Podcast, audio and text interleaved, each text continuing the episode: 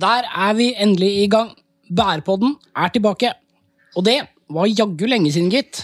Fem måneder har det vel blitt. Eh, og du trodde kanskje at vi hadde lagt inn årene, trukket i tredressen og tatt plass i historiebøkene. Ikke noe mer masing om footfacts, bærekraftsmål, digitalisering og grønt skifte. Å nei da. Jeg kan forsikre alle om at ryktet om vår død er betydelig overdrevet. Det er det, Håkon. Og det er jo så lenge siden at vi, eh, vi har rukket å bytte studio i mellomtiden. Og det er kanskje ikke så rart at eh, vi hadde litt problemer med å finne fram i dag.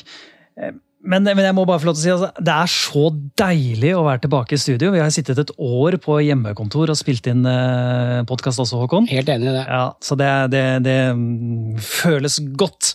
Men eh, det har skjedd andre ting siden sist også. Eh, I løpet av 2021 så har de aller fleste nå fått bærekraft på radaren. Eh, vi ser eh, nå eh, nasjonale og internasjonale initiativ og pålegg som gjør at de fleste skjønner at dette med bærekraft må inn som integrert del av strategien og forretningsmodellen. Vi ser videre at EU eh, e har tatt en lederrolle og bl.a. lansert det som eh, omtales som EU-taksonomi. Et begrep dere bare må lære dere først som sist. Det handler jo om å sette en standard for klassifisering av hva som er grønt, og dermed synliggjøre risikoen ved det som ikke er fullt så grønt. Og på denne måten så ønsker man å styre kapitalen over til det grønne skiftet. I tillegg så har vi hatt et eh, regjeringsskifte, vi har hatt et eh, klimatoppmøte i Glasgow. Ehm, og selv om vi ikke akkurat tar sjumilssteg mot togradersmålet, så er vi på vei. Og du, Håkon, eh, du gjorde det da akkurat sånn som Gunhild Stordalen og tok toget til ikke Glasgow, men en minst like spennende by for å overvære en annen spennende sektor.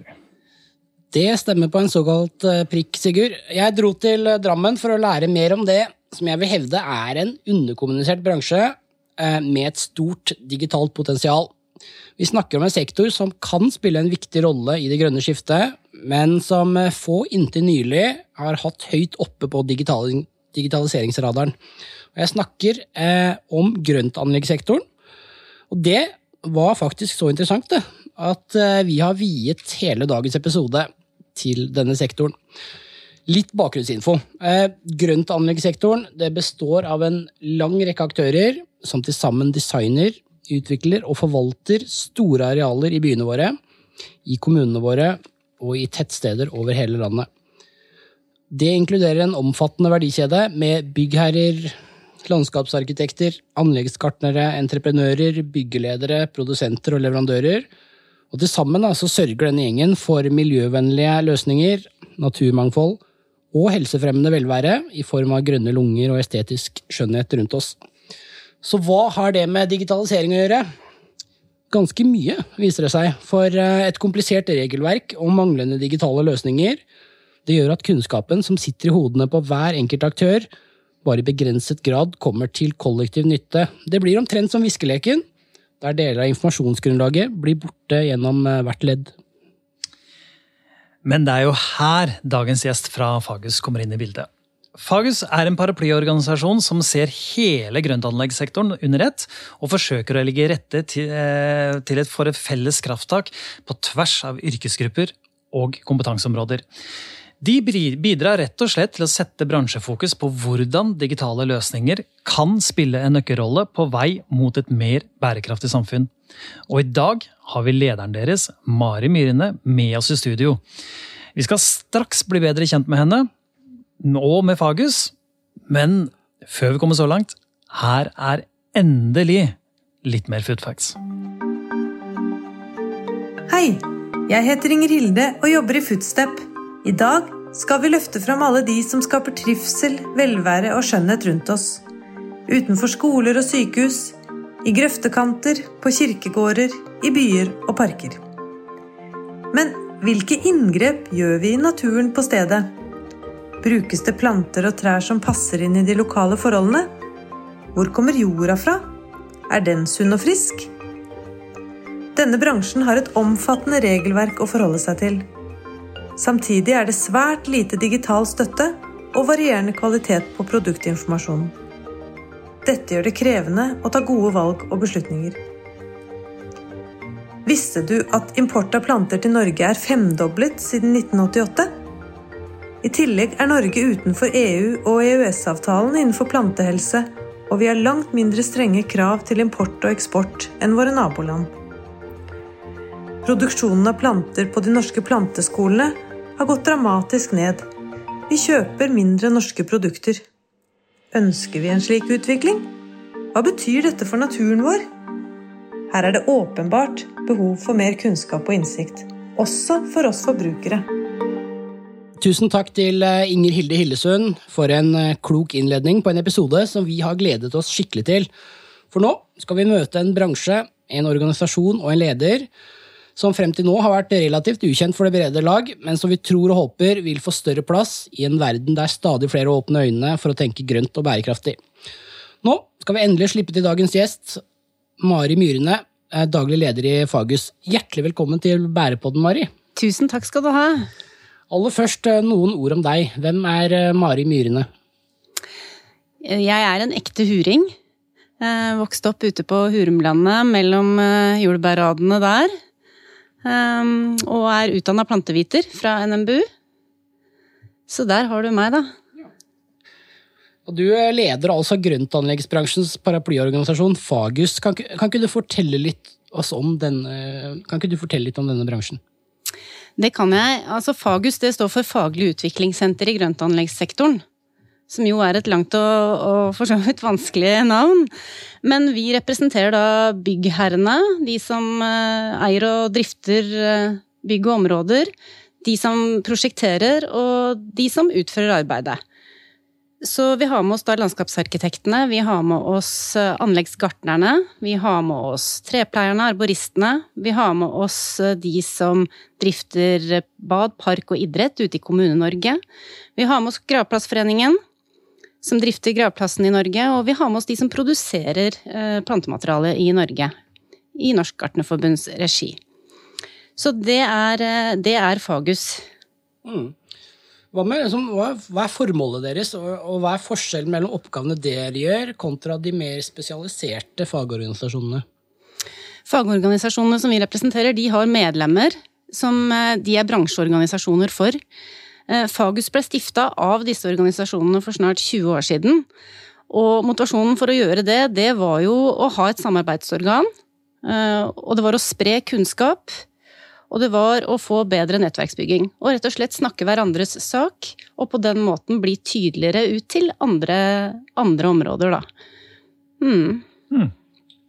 Og for et par uker siden så gikk arrangementet Grønn galla av stabelen, som vi hørte Håkon eh, var så flink og tok toget til. Eh, men du må fortelle litt mer om hva slags konferanse dette her er, og hva, hva er liksom formålet med den? Det er jo storstua vår. Vi arrangerer det annethvert år. Eh, disse tilslutte organisasjonene av Fagus og Fagus. Og da er jo, er jo, saken den at vi forsøker å se litt fram og samle bransjen. Og i år så var, eh, var tema naturbaserte tjenester for å nå bærekraftsmåla.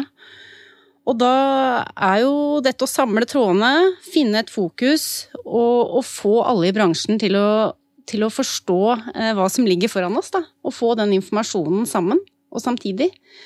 Så vi syns sjøl at eh, det er en veldig viktig arena for å, å skape um, For å skape det, det samhandlingsgrunnlaget da, som vi trenger for mm. å hevde oss. Mm.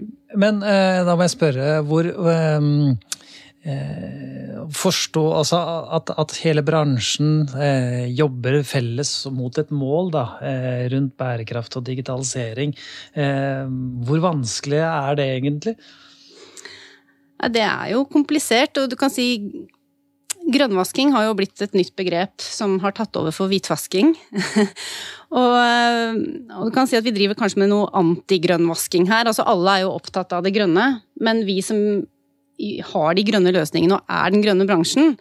Vi er jo opptatt av å fortelle og sette verdi på det vi holder på med. Og det var jo det denne konferansen denne gang hadde fokus på, nemlig disse naturbaserte tjenestene. Hva, hva, betyr de, og hvordan kan vi sette verdi på det vi holder på med, og på den måten fortelle omverdenen hvordan vi bidrar til å nå bærekraftsmåla. Mm. Mm. Men vil du si at uh, dere som en grønn bransje er grønn, eller hvordan, hvordan ligger dere an da, egentlig? Altså, vi har liksom gullbilletten, for at vi har med oss fotosyntesen. Og det er jo eh, Fri- fri- naturens frikortet. eh, kraftverk. Eh, sånn at eh, med fotosyntesen så, så har vi jo en liksom virkelig et kjempegrunnlag. Fordi eh, de levende økosystemene som vi eh, legger til rette for i bygde områder, da. Du kan si alt som er mellom, fra hus til hus, alt som er bygd. Det er jo de, de områdene som Fagus sine organisasjoner steller med.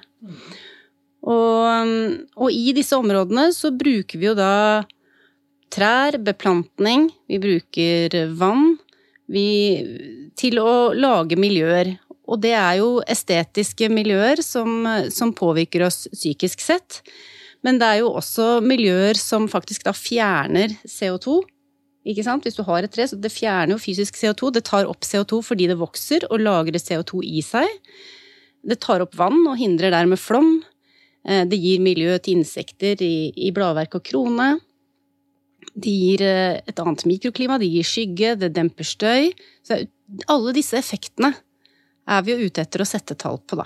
Mm. Spennende. Veldig spennende. Ehm, denne konferansen, da, tilbake til den, eh, den går da altså av stabelen uh, annethvert år.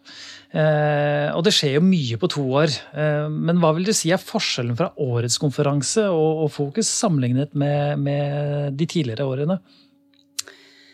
Eh, Verden rundt oss er jo enda mer opptatt av det vi leverer. Altså, du kan si i pandemien så har jo folk fått virkelig øynene opp for hva det landskapet de omgir seg med i hverdagen, altså hverdagslandskapet, hva det betyr. Så der har vi, der har vi drahjelp. Eh, Og så har vi også det generelle at, at vi opplever at samfunnet er jo Altså bærekraft, det er ikke bare et ord lenger. Er no, vi er opptatt av det, og, og for å etterkomme da etterspørsel eh, fra byggherrer og entreprenører, så må bransjen levere også på det. Ja, og et eh, viktig poeng når man skal skape mer bærekraftige produkter og tjenester, det er jo å sikre sporbarhet gjennom hele livsløpet til de enkelte produktene, fra vugge til grav. Hvordan eh, ser det ut eh, for deres bransje? Nei, der har vi jo utfordringer. Um, det er jo ikke digitalisert noen form for informasjon. Og du kan si at i, i andre i bygg og anlegg og andre bransjer så har man noe som heter livssyklusanalyser, hvor man går nærmere inn i eh, hva, hva som brukes inn, eh, og hvor, hva det består av, og hvor mange år det er antatt å vare, osv. Eh, Disse livssyklusanalysene de, de eh, er liksom grunnlaget da, for eh, å lage en EPD, som er en slags miljø, ikke en slags heller, det er en miljødeklarasjon. Eh, En slags eh, Ja, du kan sammenligne det med en etikett på en matvare, at du kan se hva denne matvaren inneholder. På samme måte så er en EPD også en deklarasjon på hva, hva ulike produkter inneholder, og dette har vi ikke på plass i vår sektor. Og vi har heller ikke på plass en god informasjonsflyt eh, gjennom alle leddene som, eh, som bransjen består av. Så her har vi litt jobb å gjøre. Ja, men kan ikke du komme med et konkret eksempel, så på en måte vi, vi fullt ut forstår hva du egentlig sier? Altså, Hvordan ser en reise ut gjennom verdikjeden deres fra, fra A til Å? Ja, altså jeg kan jo bruke jord og masser som eksempel. Um, mange har kanskje bygd på huset eller har bygd noe, og de har plutselig noen masser til overs som de, de trenger å bli kvitt. Sånn er det jo også med en entreprenør eh, som bygger noe, om det er en vei eller om det er en, eh, et, eh, en stor bygning. Og da er det jo det regelverket som, eh, som byggherre og entreprenør har med å gjøre her, er komplisert. Du har liksom lov om plantehelse, du har forskrift om fremmede arter, du har naturmangfoldloven, du har plan- og bygningsloven, du har bærekraftsmålene, du har kanskje entrepriseformen og, og de, eh, de eh, krav som ligger der. Er Veldig mange hensyn å ta. Og alle disse kravene fører nok til at man eh, mang en gang ikke helt vet hva man skal gjøre med den jorda. Fordi den inneholder kanskje noen fremmede arter, eller den er kanskje forurensa fordi den har ligget i nærheten av et industriområde. Um, og så er det da krav om at denne massen eller den jorda da skal kjøres bort til et deponi. Så kan den bli liggende på et deponi istedenfor å bli brukt til noe fornuftig. Eh, fordi jord er jo en, en, ressurs som vi ikke har nok av. Så mye god matjord går til spille eh, fordi vi ikke klarer å utnytte ressursene godt nok. Fordi regelverket er så komplisert at det valget om å gjenbruke blir for vanskelig for den som står og skal ta valget. Så det er et eksempel. Mm. Hva tenker du er potensialet her, hvis vi på en måte ser litt eh, fremover? Og ambisjonene ambisjonene fylles opp, holdt jeg på å si? Hva, hva, hva ligger noen år frem i tid? Altså, sirkulærøkonomi har jo kommet for å bli. Altså, vi har jo ikke vokst opp med sirkulærøkonomi, men den kommer også til å prege vår bransje. Så for eksempel jord, det, det kan jo gjenbrukes hvis man legger til rette for det. Og plantene, de, de klarer å vokse i, i mye forskjellig. Så det er kanskje heller de reglene vi setter for, for, hva jorda skal inneholde, eller hva som er en rein nok jord, eller hva som er en rein nok uh, sammensetning av jorda i forhold til kornstørrelse eller andre, andre parametere, som, som, vi må gjøre noe med. Og så er det dette med verdisetting, for jeg tenker at de områdene som vi forvalter, de, de kommer til å få en enda høyere verdi i framtidas samfunn. Um, og jeg tror vi kommer til å, å bli mye bedre på å formidle disse verdiene og synliggjøre dem. Synliggjøre hva Hvis du går gjennom en park, da. Det er akkurat som du, du blir guidet i et museum, så blir du guidet i forhold til hva du ser i et bilde. Tenk hvis man kunne ha digitalisert og fått fortalt hvor plantene kommer fra, hva de gjør, hvor mye CO2 tar de opp, hvor mye CO2 binder de i seg sjøl i, i plantas system. Eh, hvor eh, mye bidrar de i forhold til, til eh, biologisk mangfold? Tilrettelegger de kanskje for et spesielt insekt som liker seg akkurat i den planta? Hindrer de erosjon? Hvor mye erosjon hindrer de? Hvor mye vann fjerner de, sånn at det ikke, ikke blir overvannsproblematikk? Altså alle disse, alle disse verdiene som ligger i et bygd område, det bør synliggjøres, og det tror jeg kommer til å bli mye mer synlig. Og også landskapsarkitektenes tanker rundt, eh, rundt, de planlagte områdene. I forhold til hvorfor man har valgt de plantene man har valgt, de fargene man har valgt, det formspråket man har valgt. At her er det mange historier, og jeg tror folk er interessert. Mm. Litt som vi har snakka om tidligere, Sigurd, at uh, alt som kan digitaliseres og automatiseres, det vil med tiden bli digitalisert og automatisert. Og det er veldig spennende å høre hvordan uh, et sånt bilde kan se ut for deres bransje, Mari. Tusen takk for en, en fin liten historie der. Ja, selv grønne planter kan digitaliseres, altså. Det er egentlig sånn eh, Ikke det du tenkte sånn med en gang. Jeg så for meg sånn, sånn eh, nå skoleklasse gjennom eh, eksempelvis Frognerparken eller et eller annet, og liksom skanne en QR-kode og få opp noe informasjon om ja, hvordan livsløpet til de ulike plantene var. Mange muligheter, altså. Så spennende. Um, men, men, nå snakket du jo, og var egentlig litt konkret, om, om potensialet. Men, men, har dere også i Fages noen sånn konkrete ambisjoner også, i forhold til hvor dere skal henne på dette?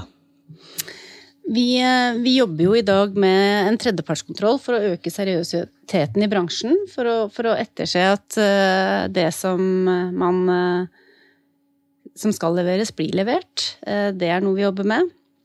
Ellers så vi, brenner vi veldig for å få til denne miljødeklarasjonen, som vi tenker vil løse mye av den eh, Mye av utfordringen med å ikke helt vite eh, hva som går inn i et anlegg, og hva som eventuelt kan gjenbrukes. Um, så det er klart at det å få en sånn livssyklusanalyse, som det også jobbes med i dag, en landskap-LCA, eh, det vil gjøre det mulig for oss å utvikle EPD-er og da vil vi kunne innlemme dette i bygg- og anleggsnæringa på en helt annen måte. Um, så det, det, brenner vi veldig for. Eller så er det det å samle bransjen og sørge for at de som produserer Altså Man ønsker jo norske varer, og man ønsker å bruke også norske arter i stor grad. Eh, men det å, å, få, å få synliggjort verdien i det som gjøres i eget land, eh, og tydeliggjøre mm, Alt som kan produseres og gjøres i Norge, er jo bra for, både for miljøet, men også for bransjen totalt, fordi at vi da holder kompetansen i landet. Og vi har jo sett gjennom mange år at f.eks. planteprodusentene har, har, mistet mange av sine produsenter fordi det har blitt importert stadig større andel av det som plantes eh, i anlegg. Og det er klart at Hvis man da etterspør mer norske varer eh, nå, så vil det jo ta noen år før denne næringa er oppe og kan levere det som etterspørselen sier. Så det er, det er, den type tematikk. Og også en fullstendig da, oversikt over hva som kan produseres og produseres i landet, vil, vil, hjelpe, vil hjelpe, alle i bransjen til å kunne ta de valga da, enklere. Så både bra for miljøet, men også bra for eh, å skape norske arbeidsplasser, da, rett og slett? Ja, jeg tenker det. At mm. det er vinn-vinn.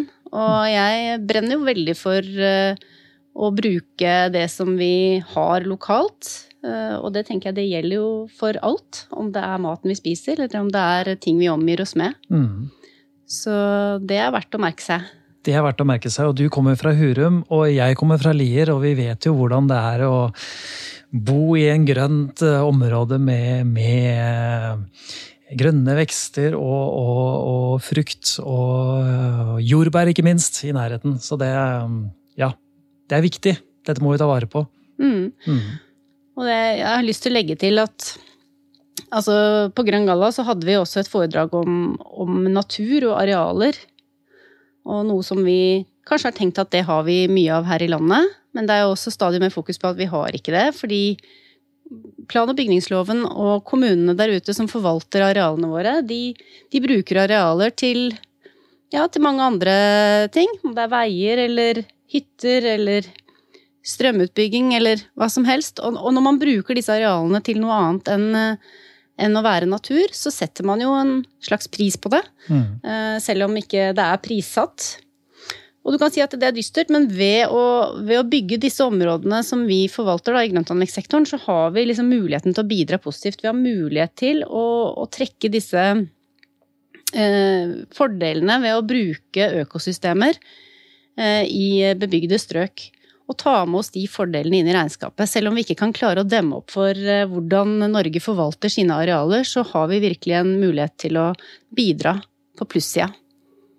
Ja, jeg tror du er inne på noe der også. Altså at vi, vi, på en måte tar kanskje mye for gitt, da, for at vi har hatt så mye fin natur. Eh, så det er bare å ta, liksom. Eh, vi ser jo det i andre land som kan, tradisjonelt ikke har så mye natur, at det er, hvor det er flere mennesker, hvor man er kanskje også flinkere til å sette en pris da, på, på eh, hva det vil si å, å bygge ut innenfor det, altså den uberørt natur. Da. Mm. Så det, det, er viktig. Men eh, nå er vi jo liksom langt inn i et landskap hvor, hvor eh, vi snakker om hvordan dere, altså faget som organisasjon skal være med og påvirke kanskje politikken framover. Da.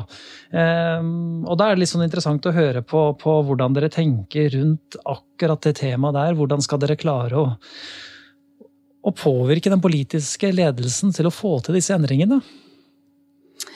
Jeg tror vi har vært innom svaret allerede, at vi må ha tall på det vi bidrar med. Fordi uten å ha konkrete verdier, og kunne sette med konkrete verdier, så er det også vanskelig å nå fram. Eh, med fordelene med denne type anlegg. Mm. Ja, det er et eller annet metall Altså Når det kommer med harde fakta, så er det lettere å få til ting. Absolutt. Så, så det å få til eh, livssyklusanalyser og få til EPD-er for, for, det som går, inngår i våre utemiljø og uterom, det er vi nødt til å få til. Mm. Hvordan ligger Norge an sammenlignet med andre land eh, når det gjelder det arbeidet her, tenker du? Og jeg vet ikke om jeg kjenner godt nok til arbeidet i, eh, i, de andre nordiske landene til å kunne uttale meg. Men jeg tror vi har vært innom dette at vi tenker at vi har nok natur, og jeg tror det har prega eh, bransjen og hvordan vi blir sett på. Eh, at det er bare en park eller det er bare et område. Eh, men med økt urbanisering så, så, ser man jo at bruken er annerledes i disse rommene, og med økt fokus på nettopp eh, flom og CO2 og alle disse tingene, så får man også mer tyngde da, rundt, eh, rundt det arbeidet og hva de områdene kan bidra med. Så jeg kan nok ikke svare helt på det, men jeg tror vi har mye å lære. Mm. Mm. Hvis vi sikter oss litt inn på et annet årstall som er viktig i grønn sammenheng, hvordan, hvordan, tror du bransjen jobber i 2030? I 2030 så håper jeg at, eh, at, vi lever litt i samme verden som bygg- og anleggsbransjen. Og at eh, vi kommer eh, At de som skal bygge uterommene og planlegge uterommene, er en del av alle prosjekter helt fra start. På lik linje med de som, som planlegger alt som ligger under bakken. Jeg tror det er noe av utfordringen. At, eh, at eh, mange av de jeg representerer, de kommer inn altfor sent i prosesser til å få de helt optimale uterommene. Eh, og hvis du skal ha plantemateriale som du ønsker at er norskprodusert, så, så må den bestillingen gå inn kanskje Den må gå inn noen år før. Og skal du ha et tre som ikke er en pisk, men er noen år gammel, så, så må den bestillingen gå inn i god tid. Og det er her det er en liten jobb å gjøre. Så vi kan ikke bare komme inn helt på slutten, vi må være en del av prosessen hele veien. Mm. Kloke refleksjoner der. Eh, tiden flyr i godt selskap, og vi nærmer oss slutten. Eh, men eh, Mari, eh, avslutningsvis. Vi, vi, avslutter alle episoder av Bærepodden med å spørre gjesten vår hvem eh, han eller hun mener fortjener en bukett med virtuelle blomster. Og denne gangen blir ikke noe unntak. Så hvem mener du er foregangsfigur i Norge på å se digitalisering og bærekraft i sammenheng? Hvem har du lyst til å gi ei lita bukett med virtuelle blomster? Åh, jeg får lyst til å gi veldig mange buketter, da. Altså, alle som, som, driver egen virksomhet og egen næring, om det er jordbruk, hagebruk eller skogbruk, de syns jo jeg fortjener en uh, stor uh, bukett. Fordi uh, ofte er det små bedrifter som må omstille seg kraftig for å, for å møte samfunnets bærekraftsmål. Og men ja, altså det er ikke noe lett. Men jeg har landa på Yr, som eies av Norsk meteorologisk institutt og NRK. Uh, fordi jeg syns det er utrolig gøy at de gjør disse værdataene sine tilgjengelige for alle. Og når man liksom begynner å tenke over hvordan dette er, at de, de gir bort værdata til hele verden og hvordan det påvirker produksjonen av mat i, i, mange land. At man kan optimalisere. og Bruk av vann, bruk av gjødsel. Og det brukes jo i min næring her òg. Hvem er vel ikke inne på Yr og sjekker eh, nedbørsfrekvensen? men ved å liksom dele disse dataene, så, så skaper det jo en kjempeverdi for veldig mange. Og jeg tror det kommer enda flere sånne historier syns jeg var en uh, altså, Yr har jo vært på banen ganske lenge, uh, så man, man, er kanskje ikke den første man tenker over. Men man kjenner meg veldig igjen i det du sier også. Så, og det at de deler data som mange andre ville tatt seg betalt for, spesielt i utlandet. jeg har jo selv opplevd altså i i eh, land langt unna, hvor vi faktisk da bruker Yr aktivt. For, altså, for det er bedre enn dens egne eh, lokale eh, eh, værvarsling. Da. Det er, eh, og det er gratis. Så veldig bra. Mm. Kudos til Yr der, altså.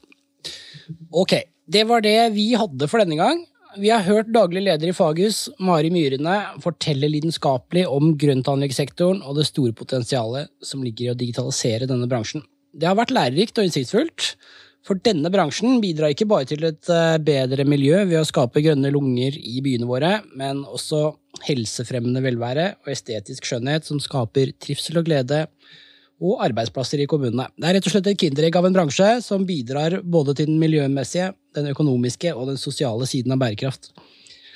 Grøntanleggssektoren har frem til nå fått mindre plass enn den fortjener i rampelyset, men kanskje så er eh, pila i ferd med å snu, slik at flere får opp øynene for arbeidet deres, så grøntanleggsbransjen får den oppmerksomheten den fortjener som en viktig drivkraft i det grønne skiftet. Det var alt vi hadde for denne gang. Bærepodden er tilbake med nye episoder veldig snart. Tusen takk for at du hørte på, og ha en aldeles nydelig dag videre.